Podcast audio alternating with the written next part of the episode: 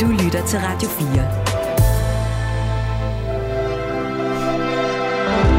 Velkommen til Hjælp, jeg er forældre. Din vært er Marie Sloma Kvartrup. Begrebet udbrændthed stammer fra den engelske term burnout, som blev introduceret af psykologen Freudenberger tilbage i 1974. Og de af os, som har prøvet at være udbrændte, ved, at det sådan meget kort kan beskrives som at have et fuldstændig fladt batteri. Den seneste tid er en ny term og et nyt ord i midlertid blevet introduceret i det danske sprog, nemlig forældreudbrændthed. Og hvad pokker er det så for en størrelse? Hvorfor er det overhovedet opstået? Og hvad kan vi gøre for at forhindre, at vi bliver ramt af netop det? Til at tale om denne her forældre, forældreudbrændthed har jeg i dag fornøjelsen af to af de danske eksperter, som allerede ved rigtig meget om det, og som ovenikøbet forsker i det for at blive endnu klogere. Nemlig fast medlem af mit panel, børne- og ungepsykolog Marie Tolstrup, og så i dagens anledning særligt indbudt gæst, sociolog Maria Ørskov Akselvold. Velkommen til jer to, og velkommen til Hjælp, jeg er forælder. Du lytter til Hjælp, jeg er forældre på Radio 4. Og øh, som jeg lige startede med at sige, forældreudbrændthed, det er jo et helt nyt ord, eller fænomen, eller term, om man vil. Øhm, hvor i alverden kommer det fra, og hvem har overhovedet fundet på det? Nu kigger jeg over på dig, Maria. Du får lov at svare først. Ja, altså, det er jo sådan lidt svært at sige, hvornår det starter første gang, men man, det, man har startet med at snakke om forældreudbrændthed som sådan en populær term, hvor man låner lidt fra det her med jobudbrændthed. Øhm, så egentlig var det længe noget, man sådan gik og sagde populært og brugte i medierne, og nu er det så blevet noget, som psykologerne har taget til sig, øh, og særligt de sidste 10 år har forsket i, hvor at det sådan mere dækker over noget særligt. Altså når man bruger termen, så betyder det noget særligt, at altså ikke bare det her med, at jeg føler mig stresset, eller jeg føler mig udbrændt, men at det er øh, en særlig tilstand.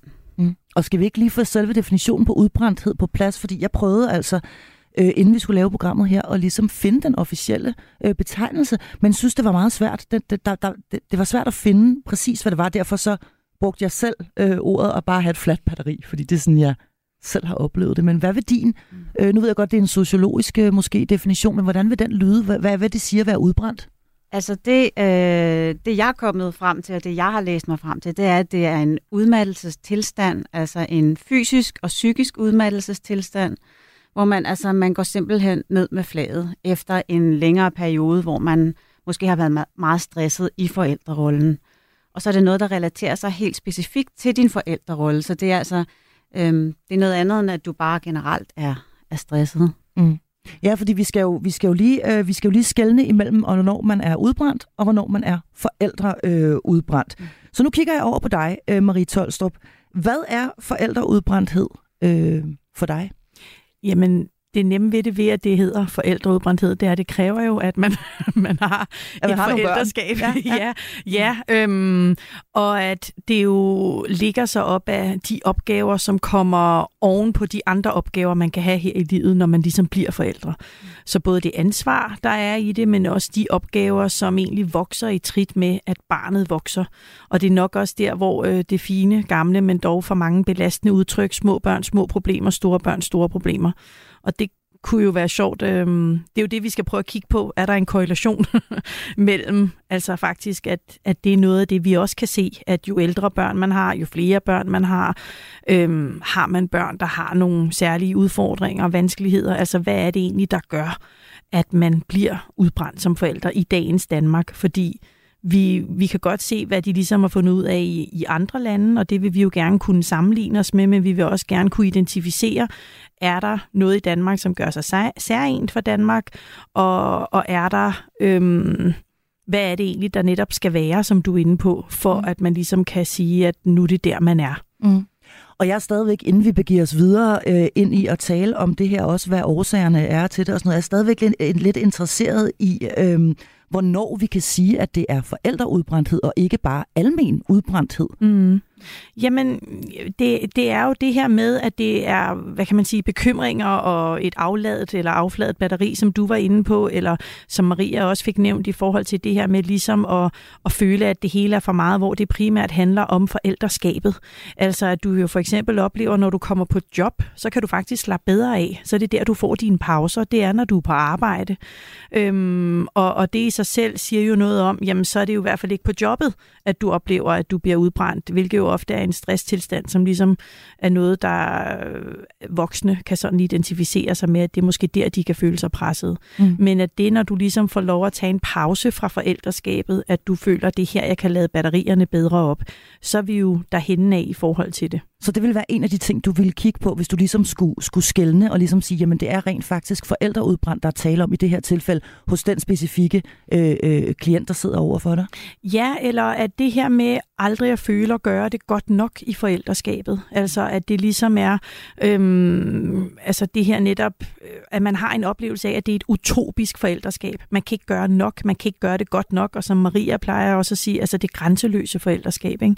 Altså at der er det her med, der er ligesom ikke nogen parametre for, hvornår ved jeg, at jeg har gjort det godt nok. Og hvis man først kommer til at falde ind i det, og ligesom føle, ja, hvornår ved jeg egentlig, at jeg har gjort det godt nok, frem for det her, det er fint, punktum, videre så er det der, vi begynder at bevæge os ud i nogle af de faktorer, der kan spille ind. Fordi det er jo hele tiden det her med, at der er jo ikke én faktor alene, som afgør særlig meget her i livet. Men nogle af de ting, som gør sig gældende, er for eksempel det her med, jamen har man så et tilfredsstillende job? Har man et sted, man kan tage hen og få en pause for forældreskabet? Føle, man får succes? Altså det er jo også nemmere for de fleste at måle succes i andre aspekter af livet for eksempel arbejdet, jamen jeg afleverer den her opgave, det er gået godt, eller jeg laver denne her ting, og det klarede jeg fint, og så får man en følelse af succes der. Det gør man jo meget sjældent i forældreskabet, især når man står midt i det. Fordi det er jo i enden af dagen, når man først ser sine børn vokse op, kunne flytte hjemmefra, kunne varetage et erhverv, skabe sin egen familie, der er der nogle af de ting, man kan kigge tilbage på, men det går der jo ofte en 30 år med. Så det er jo altså 30 år har lang tid at gå og være i tvivl om, at man har gjort det godt nok. Og plus, hvis det ikke lykkes, er det så noget, hvor man som forældre kommer til at kigge på, jamen det er jo nok min skyld. Altså, at mit barn ikke har fået det godt. Hvad har jeg gjort galt, siden mit barn har det dårligt? Mm. Så der er mange ting ligesom at, at kigge på og tale ind i. Og vi skal tale rigtig meget mere ind i det, Maria øh, Ørskov Akselvold. Ja, må gerne supplere. Ja, men du spurgte om, hvad det ligesom øh, gjorde sig gældende ved forældreudbrændthed før. Mm. Og, og noget af det, man ved fra forskning, det er jo, når man opfylder kriterierne for at være udbrændt, så, altså, så er det ret alvorligt. Ligesom. Så er man ikke, man er ikke bare lidt presset. Man, øh, man vil typisk have sådan en, fået en følelsesmæssig distance til sine børn, øh, hvor man bare gør det allermest nødvendige. Man vil måske ikke øh, altså, have den her glæde i forældrerollen længere. Øh, så der er sådan nogle ret alvorlige ting, der, der gør sig gældende. Og der er også noget med, at man øh, sammenligner den forældre, man er blevet til, med den forældre, man var, eller den forældre, man gerne ville være. Så der bliver sådan en, en kløft imellem den, den, man oplever, man er, og den, man gerne vil være. Det er i hvert fald noget af det, forskning indtil videre har peget på, kendetegner dem, som, som opfylder kriterierne for at være udbrændte. Så der følger faktisk også en, at det lyder, nu, uden, nu, nu, nu det er jo dig, der er psykologen, øh, Marie Tolstrup, men, men, men det lyder også som om, at der kommer en form for, altså det er en form for depressionslignende tilstand faktisk, og også med et element af sorg oveni. Altså, øh, hvad, hvad, hvordan har man det? Jamen, man har det jo ikke godt. Og det er jo, altså, og nu nævner du jo depression, og, og det er jo faktisk også en af de ting, og det kan være, at jeg lige skal hænge den op på. Nu sidder vi lidt indforstået og taler om vores forskningsprojekt her, men det er jo det her, hvor vi forsøger som en del af forskningsenheden Modig, der har vi lavet det her projekt, der hedder CARE-projektet, hvor vi jo gerne vil afdække det. Og vi har sendt et spørgeskema ud, som vi håber, så mange forældre som muligt vil udfylde. Og i det spørgeskema har vi også sat spørgsmål ind netop omkring altså depressive symptomer. For vi vil gerne se, jamen er det sådan, at man faktisk har højere risiko for også at udvikle en reel depression, eller er det sådan, at man faktisk kan formå at være udbrændt i en grad, hvor at det ikke nødvendigvis er sådan, at man føler sig depressiv samtidig med. Så det er lidt det her, vi også prøver på at blive klogere på, fordi nogle af de forældre, jeg møder i mit daglige virke, der er jeg slet ikke i tvivl om, at øh, når det er, nogle af dem er udbrændte, men de får også lommer, hvor de faktisk kan føle, at de får et løft i forhold til det, men de får ikke nok af de løft, og de har ikke nok af de lommer. Og, og på den måde drukner de lidt i forældreskabet, og drukner lidt i alt det sure, og kommer til at, hvad kan man sige, at føle, at der ikke er nogen vej udenom, og ikke noget at gøre anderledes. Mm. Øhm, men ja, man kan jo desværre sagtens have en depression og være forældreudbrændt. Altså, mm. det, der, der skældner psykiske lidelser ikke på den måde. Mm. Er der tale om et rent psykologisk, og jeg ved også sociologisk naturligvis fænomen, Maria Ørskov, og det vender vi tilbage til om et øjeblik, men er der, er der tale om et rent sådan psykologisk fænomen her, eller øh, kan det også være relateret til fysiske symptomer?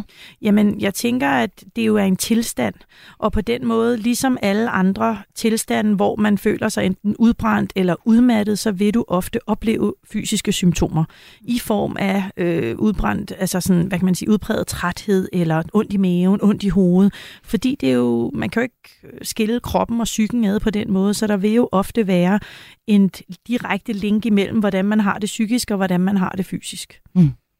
Er det en diagnose? Nej. Det er det ikke. Godt. Så, øh, så fik vi i hvert fald lige slået, øh, slået det fast. ja. Og jeg er også nødt til lige at være djævelens advokat her, fordi er det i virkeligheden ikke bare helt almindelig stress, vi taler om? Altså, har vi ikke op, prøver vi ikke nu at opfinde et eller andet nyt øh, begreb for noget, som i virkeligheden bare er, at man er stresset? Mm. Det vil jeg sige nej til. Ja, det vil jeg også sige nej til. Ja. Øh, jeg vil sige, at det, den sociologiske forskning har i mange år peget på, hvordan forældreskabet er blevet mere og mere krævende.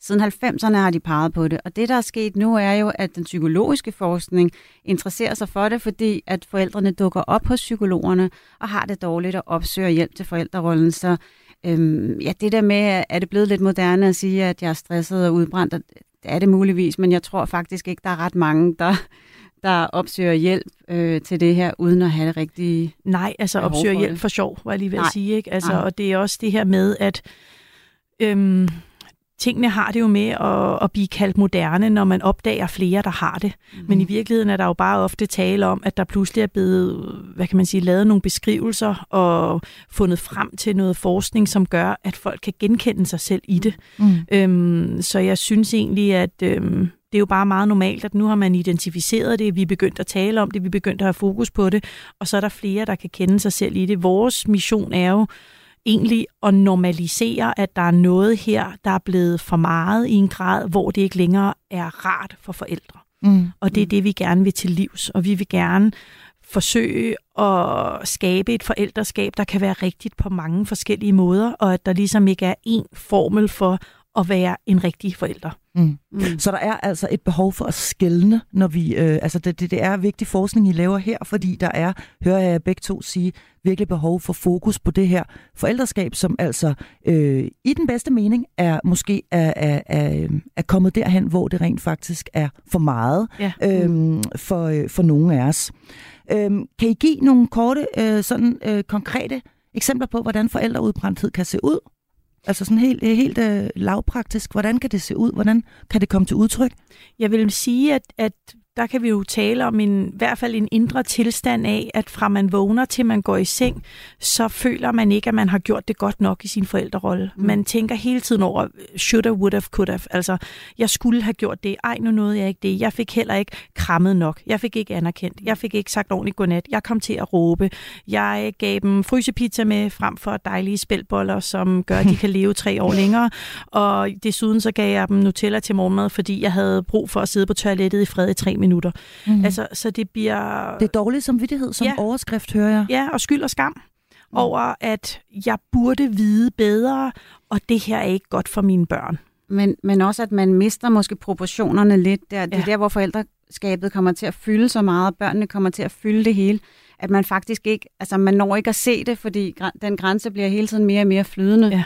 Øh, så alt kommer til at handle om det, og det er faktisk det er jo noget af det, man ved, øh, man får det dårligt af som forældre. Det er, når hele livet roterer omkring barnet, øh, og man glemmer sig selv. Det er det øh, eneste parameter, der tæller. Ja, og så ja. mister man lidt den der virkelighedsfornemmelse af, at, at nu, er det altså, nu er det kammet over, nu handler alt kun om det, øh, og man er fanget i den der med, at man ikke gør det godt nok. Så der er hele tiden noget mere, du skal gøre og vide og sige og købe og så videre. Mm. Og, det er også og du det, bliver aldrig færdig. Det er aldrig godt nok. Det er det. Så det er skruen uden ende.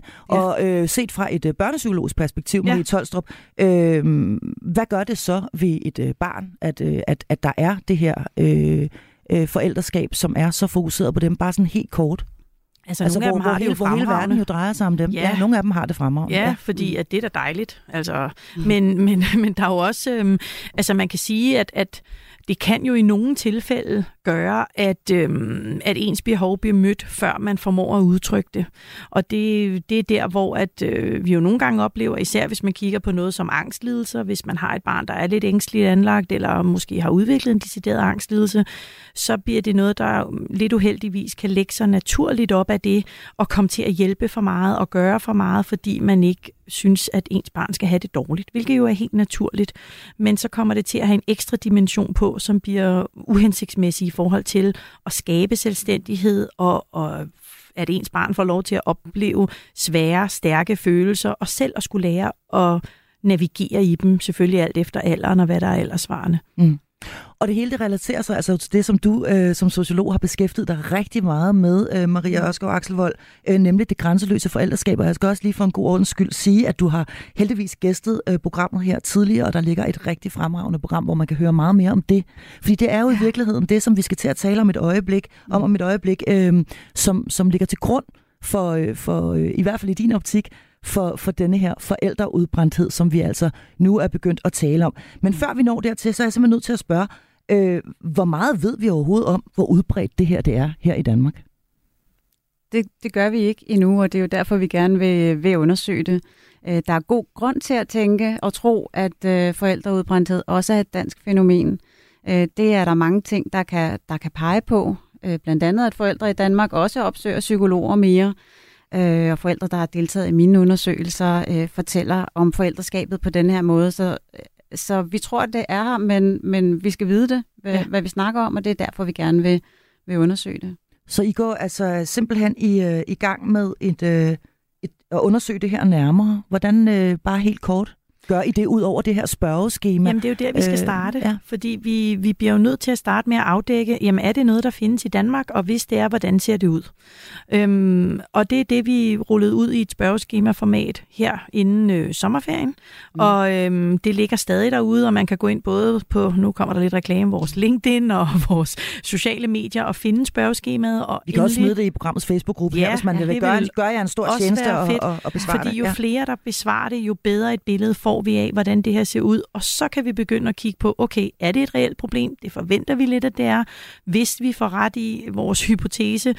for den bekræftet, så vil vi gå ind og kigge på, okay, hvad kan vi så gøre for at faktisk hjælpe forældre med ikke at nå derud, hvor de føler sig udbrændte. Ja. Super godt. Radio 4. Ikke så forudsigeligt. Godt. Nu øh, ved vi så øh, lidt mere om, hvad forældreudbrændthed er, som jo altså er den øh, term, det fænomen, det begreb og det ord, som øh, vi øh, øh dykker ned i øh, i denne her uges episode af Hjælp jer af forældre. Jeg er i øh, fantastisk godt selskab. Jeg har en særlig input gæst, nemlig sociolog Maria Ørskov Akselvold, og så er det fast medlem af mit panel, børne- og unge psykolog Marie Tolstrup. Og øh, nu skal vi så kigge på, hvorfor det overhovedet er gået hen og blevet et fænomen, denne her øh, forældreudbrændthed. Og jeg starter med at spørge dig, Maria mm. Ørskov Akselvold, fordi du har jo, som jeg lige nævnte før, beskæftiget dig indgående med det her grænseløse forældreskab. Og jeg ved, at du mener, at, at, det er, at de to ting øh, øh, hænger uløseligt sammen. Ja. Hvordan? Ja, og det, er, altså, det er jeg ikke den eneste, der mener. Det mener mange af de her psykologer, der studerer det også faktisk, at vi er nødt til både at kigge på det psykologiske, men også det sociologiske og historiske, og prøve at se, hvad er det egentlig, der er nemlig også noget udefra, der presser forældrene. Og det, jeg har vist med min diagnose om det grænseløse forældreskab, det er jo, at der er nogle øh, strukturer i samfundet. Der er noget, der har ændret sig i løbet af de sidste ja, 50 år, men måske særligt i, sidste, i de sidste 20 år, som har lagt et ekstra pres på forældreskabet. Hvis vi går sådan ret langt tilbage, så kan man sige, at der begynder at ske noget i det, øh, kvinderne kommer ud på arbejdsmarkedet, og børnene skal i institution. Vi får en noget mere presset livsform, og livstempoet bliver i det hele taget sat op. Samtidig med det, så begynder vi at få rigtig meget viden om børns behov, og udviklingspsykologien, den flyver der ud af, og der bliver produceret alle mulige ekspertbøger, og, der, og man kan sige, at opdragelsen bliver sådan meget ekspertguidet. Så der kommer mange ind over forældreskabet lige pludselig, som har gode idéer til, hvordan man er en rigtig og en god forældre. Så sker der det i starten af nullerne, ikke? at vi får øh, Google og sociale medier, vi får Aula, vi får for, Yay. forældrefester, og altså en masse øh, involvering i skolen. Altså der kommer, som jeg ser det, flere opgaver på forældrenes tallerken. Altså en, st- en større involvering af, af forældrene, Ja, men også flere opgaver. ja. Og flere krav der er til flere, flere krav, kan man sige. deltage. Præcis. Mm. Det er sundhedsplejen, det er altså kommunale kurser til forældre, ikke også? Det er involvering i dagtilbud og i skole og i fritidsklubber og sport og så videre. Så rent sådan objektivt, så er der sket en forandring, der betyder, at forældre har fået mere at tænke på. De skal både lave flere, og der er et større ydre arbejde, men der er også et større indre arbejde, kan man sige, i forhold til at opdrage på den rigtige måde, og have et øje på hver finger, og hvordan udvikler mit barn sig, er der et eller andet, jeg skal foregribe, eller noget, jeg skulle gøre anderledes. Øh, Og der er der jo mange, der er blevet rigtig opmærksomme på, også at man opdrager på den rigtige måde, og at man mm. regulerer barnets følelser, og man passer på, at man ikke råber højt og skælder ud osv. Alle de her ting er med til at presse forældre øh, til det, jeg vil sige, at vi har et altså, historisk krævende forældreskab i dag. Jeg tror aldrig, forældre egentlig har været både bedre forældre, end de er i dag, men de har heller aldrig været så presset mange steder fra. Vi har også et kæmpe marked, der vil sælge alt muligt til Mm. forældre, og det kan godt være, at vi ikke er særlig opmærksomme på det i dagligdagen, men det er der jo konstant øh, at bombardere os i vores feeds og andre steder om, hvad det gode forældreskab er, hvordan det, det rigtige familieliv ser ud, øh, og, og man skal godt nok være lavet af sten for ikke at, at blive påvirket af det. Det er i hvert fald meget svært at lukke ørerne for hele den her kultur, der, der omgiver forældreskabet i dag. Og jeg tænker også, at der er også sket noget i forhold til, at der de sidste 20 år er kommet et større fokus på for eksempel psykiske lidelser. Det med, at man kan være et barn og, og lide angst, man kan have andre øh, udfordringer, og hvor det så er sammenlagt med det her, øh, som Maria er inde på, men også i forhold til, at vi er blevet lidt ældre forældre. Vi venter lidt længere, vi beslutter os for at få børn, og vi planlægger også mere omkring det, samtidig med, at der er kommet, hvad kan man sige, en, en øget øh, eller større tendens til, at det ikke er lige så nemt at få børn som tidligere. Mm. Så der er en masse faktorer, der også spiller ind i, at man på den måde der er nogen, der lidt grimt kalder det sådan, at så det er et projekt at få børn, og det er egentlig... Det, det, Det er ønskebørn. Det tror jeg, det er fra, Pral plejer at sige ja. i hvert fald, at det er jo generationer af ønskebørn, der Ja. vokser op nu. Det er der i hvert fald mange af dem, der er, og det, det, at det er forhåbentlig de fleste børn, men man kan sige, at, at det er mere det her med, at der er en masse faktorer til sammen, der gør, at pludselig så bliver det forældreskabet, der begynder at definere en, mm. og bliver nærmest en direkte afspejling af en som person og ens mm. værdisæt, men også, hvor godt kan jeg klare det her, det er mit barn et indirekte produkt af. Mm. Og hvis jeg, hvis jeg kigger på det sådan lidt mere historisk perspektiv, også i forhold til det, du sagde før, Maria, så, øh, så tænker jeg, at det jo altid har været en del især af kvinders identitet, det her med at være nogens mor. Mm. Ikke mindst dengang vi gik hjemme og ikke var på arbejdsmarkedet, hvor det jo rent faktisk var det eneste, vi lavede. Mm. Det var at, at passe vores børn. Hvad er det, der er kommet oveni, siden at vi ser denne her udvikling? Altså, hvad der er kommet oveni? Ja, siden dengang, hvor at fru Hansen gik derhjemme og stegte frikadeller og altså, øh, støvsugede og passede sine børn. Nu skal vi huske, at det er måske en lille, altså det er lidt af en illusion, det der med, at alle gik hjemme og stegte frikadeller og ventede på, at manden kom hjem. Fordi, Og med et lille Per. øh, Jeg tror, hvis man øh, undersøger det i dybden, så ser vi faktisk, at, at mange kvinder har arbejdet på den ene eller den anden måde, om de så vaskede tøj for, for nogle andre, eller var ude og gøre rent, eller hvad de gjorde. Så kvinder har nok altid haft travlt, men jeg tror særligt, det er, øhm, det er måden, vi er forældre på, altså, som er blevet mere, man snakker om det intensive forældreskab, hvor vi øh, føler, at vi skal være inden over alting. Det bliver vi også fortalt af alle mulige eksperter. Øh, vi skal være en del øh, af barndommen og gå ved siden af børnene. Altså før løb de vildt øh, og, og kom hjem, øh, når, når det blev mørkt. I dag ved vi præcis, hvor de er, og hvis ikke vi ved det, så kan vi kigge på, på telefonen. Så det er blevet sådan... Og det kan være en stressfaktor i sig selv. Det kan det nemlig. Det, kan, Og holde øje med, hvor de er henne. det bliver man ikke trykker af. Og det er rigtigt, det har været mødrenes øhm, domæne. Det er det stadigvæk. Det er også derfor, at det er primært mødre, der rammes af forældreudbrændthed. Men det er meget sjovt, det man faktisk ser, det er, hvis, forældre, hvis fædre bliver lige så involveret i forældreskabet, som mødrene er, så bliver de lige så udsatte for forældreudbrændthed. Det kan man simpelthen se allerede. Ja, så Ja. udsatheden kommer jo af, at du er den, der er allermest inden over barnet, og er, altså især hvis du er det her, altså overinvolveret, kan man godt sige, ikke? Mm. Men når jeg spørger specifikt til det her med, at det i højere grad, som du siger, Marie Tolstrup, er blevet en del af vores identitet, mm. altså det her med at være forældre, så fisker jeg også lidt efter, at det også er blevet muligt at være en særlig type forældre. Mm. Altså vi nu har, øh, og, og, og, og det er muligt, det er mig, der tager fejl, men at man øh, før i tiden var en god mor, mm. hvis man sørgede for, at ens barn var ordentligt klædt på, og mm. havde rene mm. negle, og fik noget at spise, mm. og kom ordentligt i seng, tidlig i seng osv., så, mm. så i dag, der kan man jo identificere sig med en lang række forskellige opdragelsesstile, mm. og det forventes også nærmest, at man har taget stilling til, om man er en af dem, der går ind for Nordic parenting, eller om man går ind for et eller andet andet. Ja. Altså, det, det, det er blevet et mere broget marked, mm. og, og, øh, og, og, og der er en forventning til, mm. at man vælger en særlig retning. Ja, øh, og det er rigtigt, og det øh, har sociologer også længe talt om, at det er blevet en større del af vores voksenidentitet, simpelthen vores forældreidentitet. Vi er blevet mere optaget af at blive anerkendt som gode forældre af andre. Det optager os simpelthen mere, hvad andre øh, synes om os. Øh, så vi kan dyrke det. Det er det her store forældremarked, og industrien også med til, at vi kan dyrke det som en helt livsstil, ikke? Med, med bålsteder og, og måltidskasser, og altså hvad, hvad der nu ellers øh, øh, hører til reklamerne i vores børn, hvis man læser det for eksempel. Men jeg tror, vi skal faktisk tilbage til også den her øh, idé om forældredeterminisme, som vi også har øh, talt om sidste gang, mm. jeg var her, som jo også er noget, der ligger i tiden, og som der sådan er kommet i de sidste 30 år, som er en sådan større idé om, at det er forældrene, der er de mest afgørende personer i børnenes liv. Det er dem, der afgør deres udvikling og trivsel og deres fremtidige skæbne og lykke. Og det er sådan en, en idé, der er opstået i den vestlige verden, som vi alle sammen har købt ind på øh, i større eller mindre grad, som, jo, som, som er noget af det, der gør, at vi også tager det her ansvar på os i en grad, som vi ikke har gjort før. Fordi tænk nu hvis, mm-hmm. så er det din skyld. Øh, og... og det går jo galt i menneskers liv, og, det, og, ja. og nogle gange er det ikke fars eller mors skyld, øh, nødvendigvis.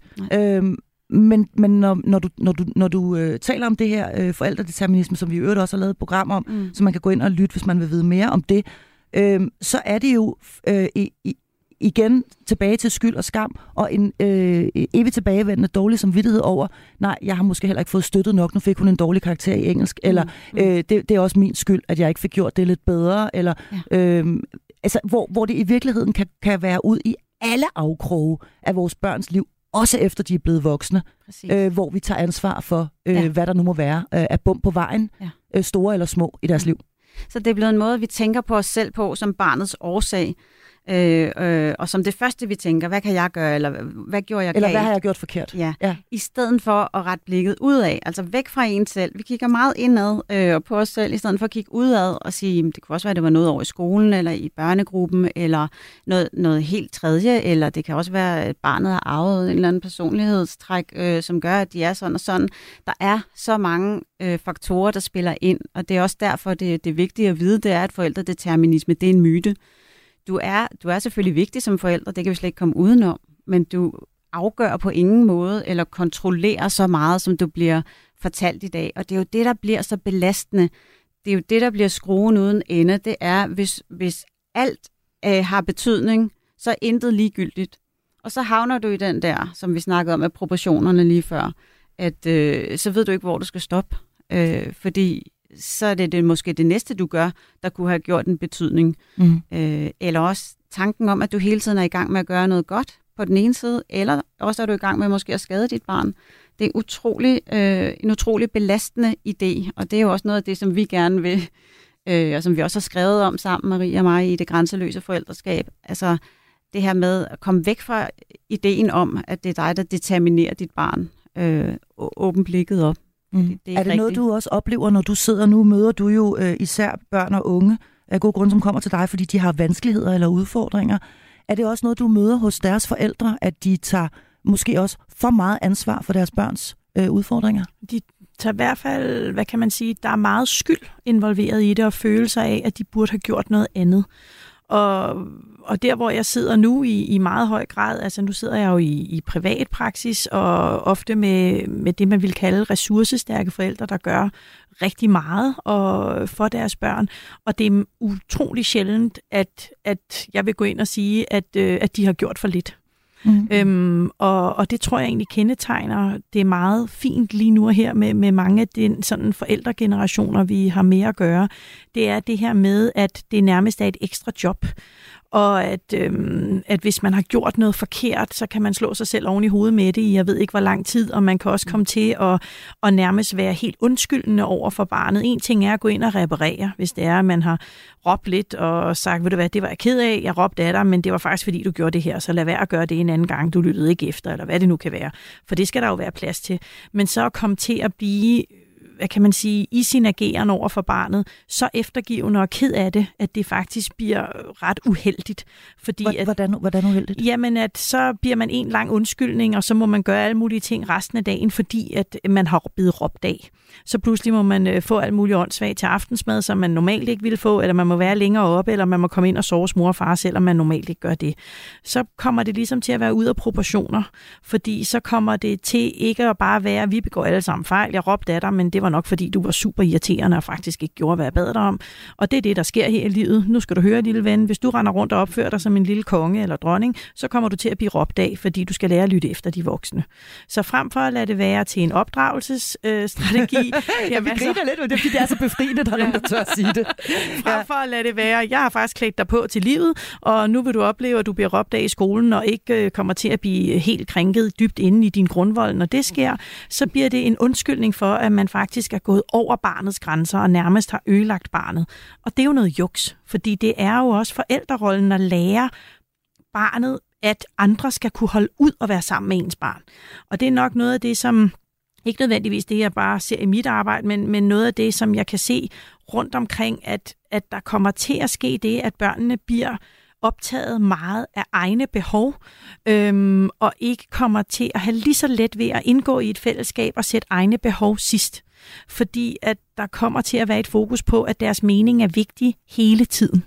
Og det er den faktisk ikke. Og det er der, hvor jeg godt kan komme til at gå lidt i den anden grøft og høre mig selv stå og sige ting. Bare råb af dit barn. Og det er selvfølgelig ikke det, jeg mener. men jeg tager udgangspunkt i, at enhver ikke synes, at det er rart at råbe af sit barn, men at nogle gange kommer man til det. Mm. Og når man kommer til det, så er det nok ofte, fordi der er en god grund til det. Mm. Og så kan det være nogle gange, fordi man er træt og udmattet, og de gider ikke spise de frikadeller, man har brugt 22 timer på at lave, og de vil bare hellere have noget andet, og hvad ved jeg.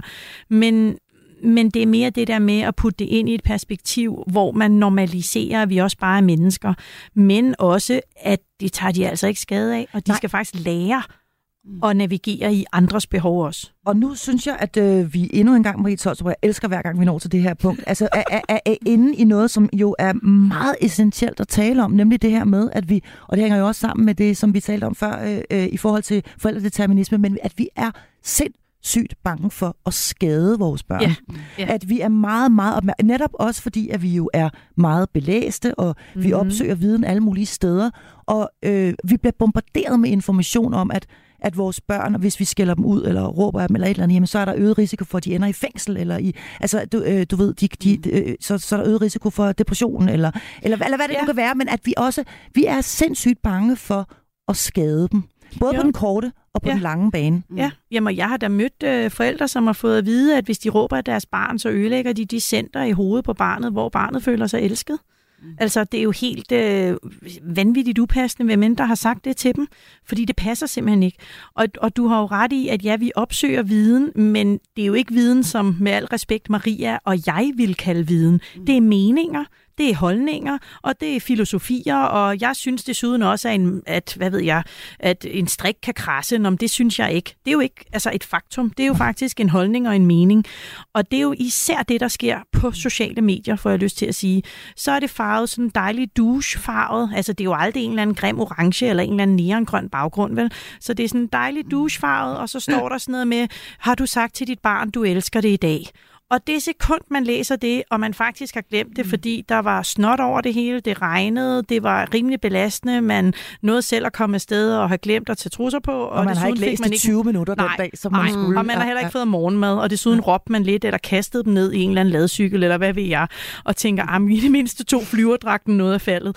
altså, men, og så læser man det der, mens man sidder på arbejdet og tænker, nej, hvor er jeg bare en lorteforælder. Og det er jo noget juks, fordi Altså, det, det der, det, det er en illusion, at man danser rundt og hver morgen øh, laver små havrefyldte morgenmad, mens man griner og snakker og står med luftigt rent hår og kysser sin mand eller kone eller partner farvel. Mm. Og det er der, hvor at vi taler ind i, jamen, er der overhovedet nogen, der har sådan en hverdag? Og hvis de har, godt for dem, men det betyder ikke, at det er det, der er målet. Det betyder ikke, at det er der, vi skal nå hen, for at vi alle sammen har det godt.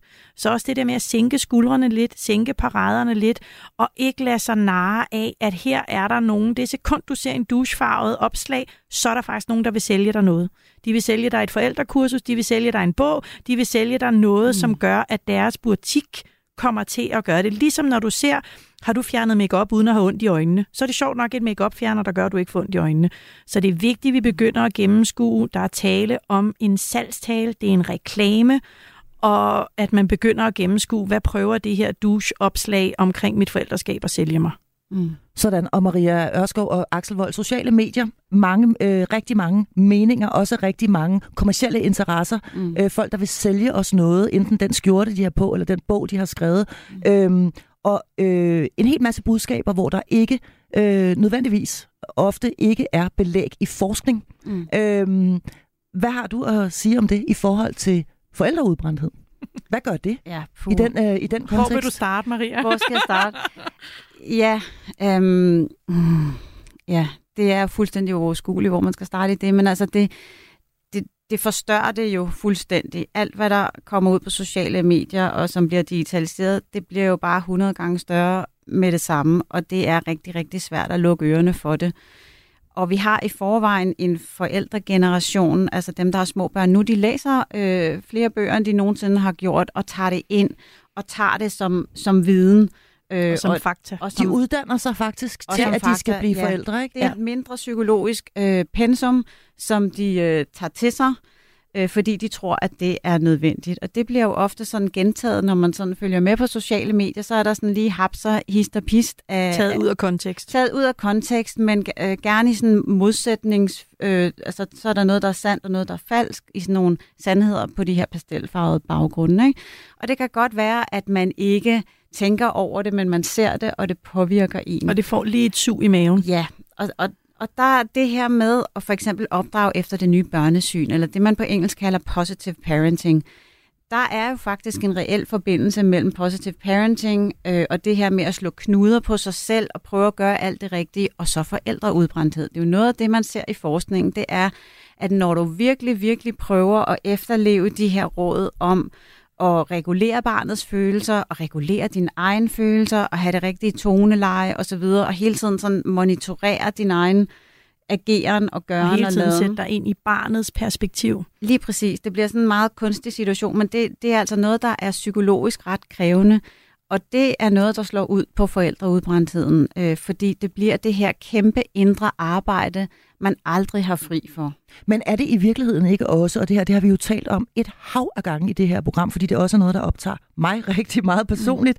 Mm. Øh, ikke mindst fordi jeg har så mange børn, og jeg er underkøbet også alene om dem, så, så, så jeg kan på ingen måde leve op til noget af det der. Mm. Øhm, så jeg går med det her, som jeg selv kalder for det intuitive forældreskab, mm. og det er det, jeg hylder, og at jeg ligesom er mig selv. Jeg er mig selv på godt og ondt, og jeg er det er den, jeg er, og de kender mig. Men jeg synes også, det virker som om, at hvis man skal hvis man skal gå i en retning, og gå den helt og holdent, mm. øhm, og bekende sig til for eksempel positive parenting, så, så vil der jo blive et element, at nu siger du, at, at, at det, bliver, det bliver falsk her, fordi det bliver jo en form for forstillelse. Mm. Øh, og det er vel, vel at mærke jo ikke, når du er på arbejde, at du forstiller dig. Mm. Det er derhjemme, hvor du øh, faktisk burde mm. mm. slappe af og være dig selv. Mm. Så, så, så der er et eller andet i det her, i forhold til, at vi faktisk, måske nogle af os, ikke kan være os selv.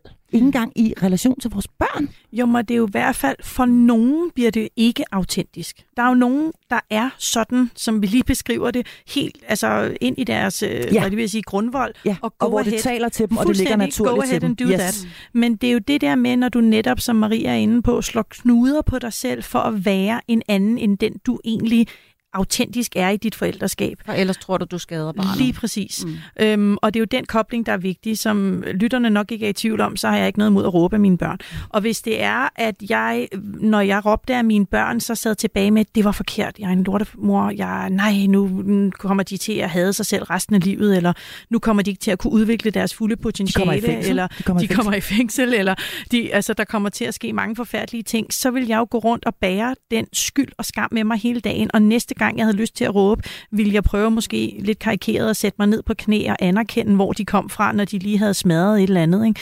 Altså, det, det, det er mere for at sige, at der vil det for mig blive ikke autentisk. Mm.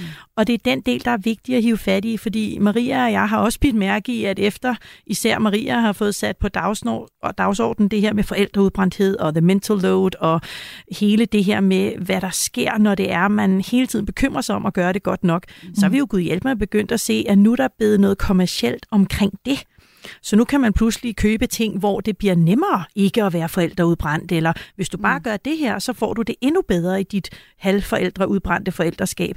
Så der dukker jo hele mm. tiden nye ting op, som vil gøre dig til en anden end den, du er. Mm. Så jeg, det vil ikke undre mig, om det lige om lidt bliver sådan en, når du er en, der aldrig råber af dine børn, det var dog forkert, du skal da lære dem at blive råbt af. øh, nej, du skal bare have lov at være dig selv, og ikke mm. høre på alle mulige fis om, hvordan du bliver en bedre mor eller far. Så det handler i virkeligheden om, at øh, jeg gør det fuldstændig rigtigt, Marie Tolstrup. Nemlig, jeg bare det vidste du jo godt. Er det fantastisk. Nej, men øh, spøg til side. Øh, jeg har lyst til at spørge, i forhold til, når vi taler om de her strømninger og de her utrolig mange ting, så har vi jo, og det har vi også tidligere adresseret mange gange i programmet her, set en enorm bølge af, denne her, af det her perfektionisme, altså af de her også pastelfarvede universer, også af øh, familieliv, hvor man tænker, du godeste Gud, altså de, de har blomsterkrans i håret, de er nystrøgne, og mm. de spiser mad lavet fra bunden, og alt det der, som vi har talt om 100.000 gange før, øh, det kan jeg slet ikke leve op til, det kan jeg slet ikke være øh, med på. Øhm, men jeg ser i hvert fald en tendens. Jeg ved ikke, om du er enig med mig. Det har jeg lyst til at spørge dig om, Maria. Øh, mm. Øh, fordi er det ikke i virkeligheden ved at tippe en lille smule det her, så at det ikke er så moderne at være det perfekt, den perfekte forælder længere, eller er det bare mig, der.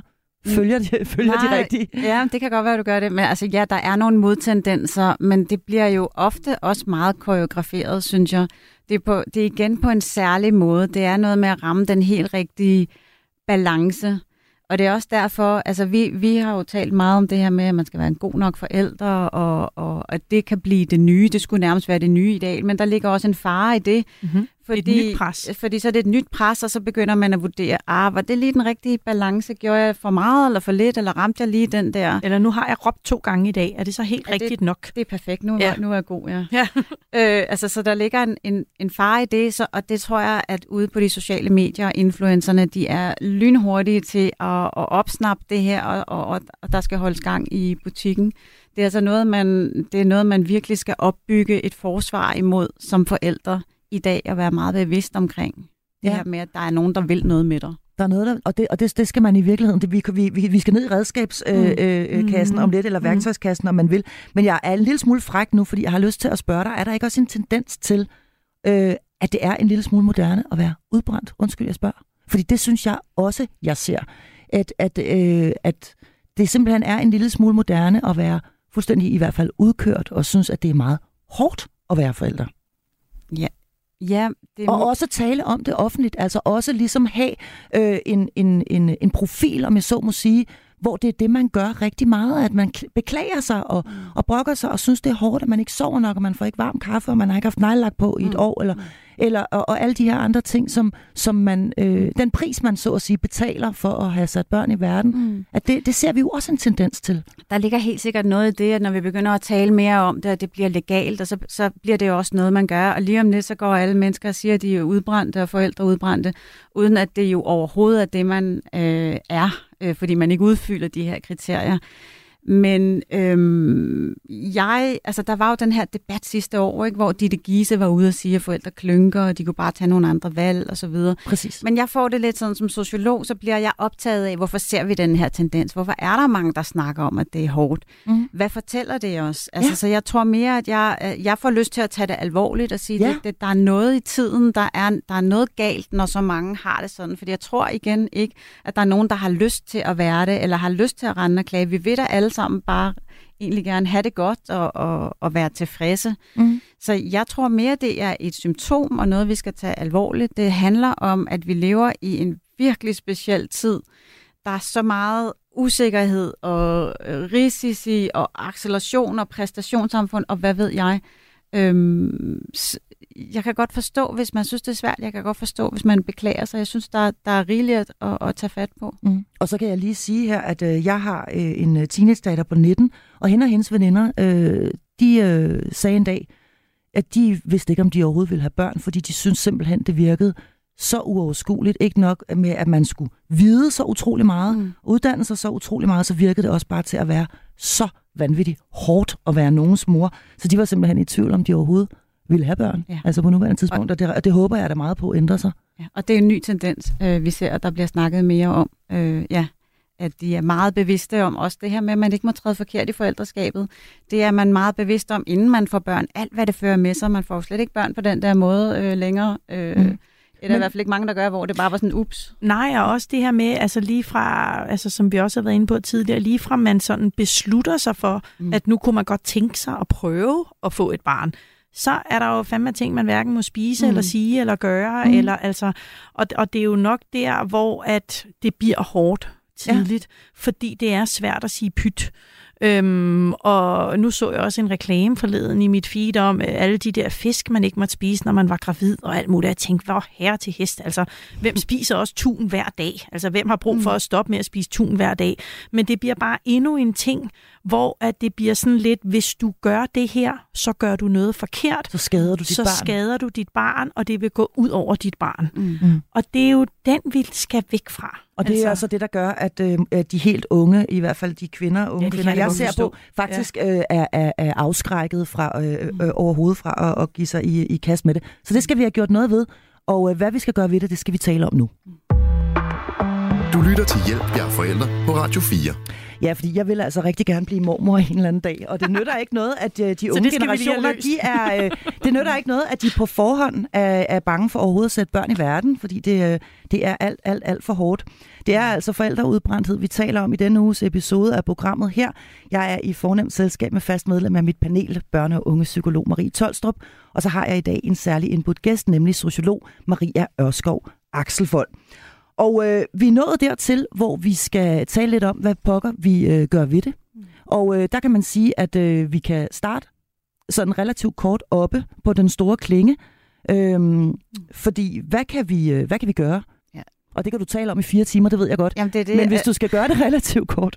Du har 30 sekunder. Ja, det, fordi det, det er et meget stort spørgsmål. Det er et stort spørgsmål. Øhm, jeg synes, vi, vi er kommet lidt i gang i dag med det her med at blive bevidste. Altså, øh, nu snakker vi om sociale medier. Altså, man mm. kan jo starte der, hvor vi alle sammen er hele tiden, hver eneste dag, uanset hvor meget vi vil indrømme det eller ej så kan man starte der, og så kan man bestemme sig for, hvor mange vil man gerne følge, for eksempel. Hvor meget vil man tillade sig, at der kommer ind i sit feed af det her, som, som der er med til at presse en. Øh, altså, hvordan kan vi forsvare os imod alt det, der presser os, alle dem, der gerne vil noget med os? Jeg kan jo også godt lide at fortælle, at man ikke behøver at tage til forældrefester, hvis man ikke har lyst til det, for det ved vi overhovedet ikke, om det virker. Øh, det er måske bare spild af tid i virkeligheden, spild af dyrebare tid i familien. Øhm, øh, man kan forholde sig til Aula på en anden måde, eller man kan lade være at lave legegrupper, hvis det er det, der presser en. Man har nogle muligheder til det der pres, der kommer udefra, som jo til sidst bliver sådan et indre pres. Ikke? Man må mm. godt sige nej. Man må godt sige nej, og man må godt sætte grænser, og man skal faktisk også gøre det med god samvittighed, mm. øh, fordi man gør noget, noget godt for sig selv. Vi, ja. vi ved jo fra, fra forskningen, at det her med self-compassion, som det så fint hedder, det er jo noget af det, man kan øh, modarbejde forældreudbrændtheden med, eller i hvert fald... En egen omsorg. Ja, faktisk, og, og ligesom sige pyt lidt mere, er noget af det, der hjælper. Og det, det ved jeg godt, det lyder lettere, end det, end det er.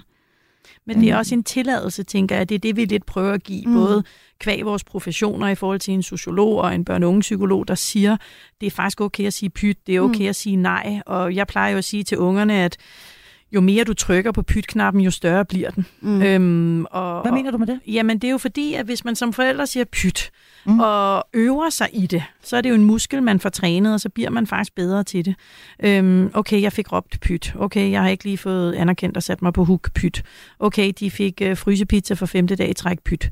altså, øh, de her ting, ligesom at, at, at gøre det på den måde, så tænker jeg også at være kritisk over for, hvem er det, du lukker ind? En ting er i dit feed, men det er jo faktisk ind i din bevidsthed. Altså, Mm. der var en, der sagde til mig for nylig, og jeg kan simpelthen ikke huske, om det var den gode øh, Imran Rashid. Det tror jeg måske. Nu får han i hvert fald æren. det her med, hvem du lukker ind i dit feed. Vil du lukke dem ind i din stue? Mm. Altså, vil du invitere dem på besøg i din stue og sidde og drikke kaffe med dem? Og den synes jeg er sindssygt god i forhold til, mm. hvem følger du på de sociale medier? Hvem lukker du ind i dit liv? Fordi det er ikke bare i dit feed, det er faktisk ind i din bevidsthed, og du gør dem til en del af dit liv. Du tager imod deres meninger og holdninger, og hvad i alverden kan du bruge det til? Mm. Øhm, og så måske også altså, forholde sig kritisk. Altså lad være at tro på alt, hvad du ser og står og læser. Altså, og se, hvad der virker for dig. Altså, mm. øhm, ja, prøv nogle forskellige forældrestile af. Gør det lidt hist og mm. Altså, det er der ikke nogen børn, der ja, får noget problem med. Mm. Og hvis man helt konkret lytter med lige nu og tænker, det der, det er mig. Jeg er forældre udbrændt. Mm. Hvad, hvad, vil så, hvad vil jeres råd så være, ud over de her rigtig gode råd, øh, øh, som I allerede har givet nu? Men hvordan kommer man af med det igen, Marie Tolstrup? Jamen, det, altså, jeg vil sige, at for det første vil jeg prøve at være... Altså, jeg får jo altid lyst til at sige, når nogen oplever noget, og især hvis de føler sig udbrændt i en grad, så det går ud over deres funktionsniveau, og går ud over arbejde, familie, venner, altså alle de her ting, så vil jeg søge hjælp Mm. og få finde ud af, hvad er det, det her handler om. Øhm, hvis det er, at man kan genkende sig selv ud fra det her, vi har talt om, jamen, så vil jeg også søge hjælp, og måske vil jeg søge hjælp hos en god veninde, en god ven, hos ens partner, og sige, prøv at høre, jeg føler det her for meget. Og så prøver at agere ud fra, hvad kan jeg skrue ned på? Hvad kan jeg sige pyt til? Hvad Mm. kan jeg lade være med? Maria? Ja, altså man ved jo faktisk, at en af de største risikofaktorer, når det gælder forældreudbrændthed, det er det her med at prøve at være perfekt. Ja. Øh, og være ekstremt optaget af ikke at begå fejl. Det er meget sjovt, for der er jo en række sådan, risikofaktorer. Alt, hvad man sådan kunne forestille sig, der bidrager. Øh, det kan være, at man har rigtig mange børn, eller man, man mangler støtte og netværk, eller øh, sådan nogle ting. Men det, der faktisk er en af de største faktorer, det er perfekthed. Ja. Så, så modgiften til det er jo det uperfekte, eller det gode nok. Øh, Som igen, så kan man prøve at skrue lidt ned for ambitionerne og vide, at, at det, man gør faktisk noget godt. Og, Ja. ja. og, og, og så sænke baren simpelthen. Og nu er det jo snart december måned. Mm. Mm. Øh, julen står for døren. Øh, det kan være noget af pres i sig Ja. selv. Ja. Øhm, hvad kan vi gøre for at lette os selv den næste måned og, ud, og undgå at øh, øh, øh ende juleaften og sidde og være fuldstændig forældreudbrændte? Ja, det ved jeg sgu ikke, om man kan undgå, for at være helt ærlig. Mm. Men man kan i hvert fald sige til sig selv, okay, hvad er formålet ved vores juleaften? Mm. Er det, at bordet skal stå perfekt, at der skal det matche det hele, og servietterne, og der skal ting, hænge ting i loftet, og alle skal være, have ens tøj på, og der må ikke være pletter. Mm. Altså, hvad er formålet? Er det, at vi skal sidde og hygge os, mm. så sæt dig det mål, og så vær, undskyld mig, skidelig glad med alt det andet. Så det her med at sætte sig et realistisk mål, og det gælder egentlig også lidt i ens forældreskab. Hvad er det, du vil give videre? Du kan nævne Mm. tre ting i dit øh, partnerskab og sige, det er de her tre ting, vi gerne vil klæde vores børn på i vores forældreskab. Mm. De skal være rare at omgås, de skal måske være høflige, og de skal gøre, hvad der bliver sagt, hvad end det nu er. Og så er det det, der bliver en målestok, og det man ligesom går efter. Og så lærer man forhåbentlig at sige lidt pyt til alt det andet. Og så kan man i virkeligheden tage øh, og skære nogle af de andre ting væk, altså så som måske de hjemmelavede pebernødder, eller de ind- selvindkøbte kalendergaver, eller hvad det nu end må være, Ja. som, øh, fordi meget af det er jo noget, man også hygger sig med, det skal vi jo ikke lige glemme, mm. og hvis Mm. man gør det, så er det jo bare fantastisk. Men ja. hvis det er gået hen og blevet et pres, Præcis. så skærer I nogle af de konkrete ting, og nu nævner du også forældrefester og sådan noget, der ligger jo, der- og der er enormt meget af sådan noget her i der december. kommer meget af den der Ja. slags Ja, med og så har der lige været Halloween. Og, ja. Altså, det kommer oven i det, og, Mm. mm. og min ene dreng sagde det til mig her øh, i år i Halloween, mor, vi har slet ikke øh, skåret græskar ud i år. Nej, det er for Og dårligt. sådan, det er sgu da også rigtigt. Det er sgu da heller ikke i orden. Det må vi, nej, det er faktisk, altså... Jeg sagde, Ja. ved du hvad, du, det bliver næste år. Ja. Altså, det kan jeg ikke lige overskue. Det, Nej. øhm, det er både tungt og dyrt og irriterende, og øhm, Mm. altså, det var mest det, jeg tænkte. Jeg tror nok også, jeg fik det sagt. Øhm, men, Men, der, altså, men der er pyt. nogle stærke forventninger til, Ja. at man skaber en særlig stemning og en Yes. magi. Altså, jeg er lige Ja. blevet opmærksom på, at der er jo nogen, der sælger sådan nogle hjælpepakker til familier til drillenissen. Når du ikke selv kan Yes. overskue, hvad drillenissen skal lave, så kan du købe hele pakken med instruktioner og det hele. Der kommer trods alt Wow. ikke en drillenisse hjem til dig. Og det, nej, Det kan man og det sikkert også bestille. Ja. Ja, så får du den her magi øh, ind, øh, og det er alligevel også et, et rimelig et højt krav at stille til sig selv, ja. at man skal skabe en magisk december, plus man skal være positive parenting Ja. øh, og det hele. Ikke? Ja. Ja. Og jeg vil sige, at øh, det, og det synes jeg altså er meget, meget smart, det er meget stor tilhænger af. Man kan købe 24 indpakket, øh, hvad hedder det, øh, kalendere. Dem kan, de kommer så i sådan en kasse der, og så kan man stille en på hver øh, børneværelse der. Ja. Så, så der kan man altså klippe et, øh, et, par, et par tær, ikke, hvis mm. man ikke kan overskue. Mm. Nu bliver det også omkring 100 gaver i mit tilfælde. Det er meget at pakke ind. Ja. Øhm, altså, ja, vi når jo desværre ikke mere. Altså, Nej, det er jo, det er jo, det er men jo, også det øh, der tiden med, går jo meget ja, hurtigt. Men også, du gør En det godt kommentar. nok. En Jamen, jeg har lyst til at sige, du gør Ja. det godt nok. Mm. Ja. Altså, det er jo, gudskelov, at lever vi jo i et land, hvor størstedelen af forældre gør det godt nok. Og den synes jeg bare er mega vigtig at holde fast i. Mm. Mm. Øhm, og, og det er okay at sige nej, og det er okay at sige fra, og altså, you do you. Ja. Ikke? Ja, når man bliver optaget af, at der var mere, jeg skulle gøre, jeg skulle også have Ja. gjort sådan og sådan, så skal man faktisk huske på, at man er en del af en generation, der gør det historisk godt for Ja. børn. Sådan der. Mm. Og så skal vi huske at rose hinanden og klappe hinanden på skuldrene, og jeg synes, at øh, Mm. jeg synes, I gjorde det øh, rigtig, rigtig godt. Mit navn er øh, Marie Sloma Kvartrup, og jeg er tilbage øh, igen i næste uge, næste søndag, øh, med endnu en episode af Hjælp, jeg er forældre. Og det kan du altså godt allerede nu begynde at glæde dig, for, fordi, eller glæde dig til, fordi det skal nemlig handle om julen. Jeg har John Halse og Jesper Korts Jensen med mig i studiet, og vi skal tale om, hvordan vi både hygger os og øh, får det afslappet og magisk, uden at gå ned med stress. Det er altså i næste uge. Tusind tak, fordi du lyttede med.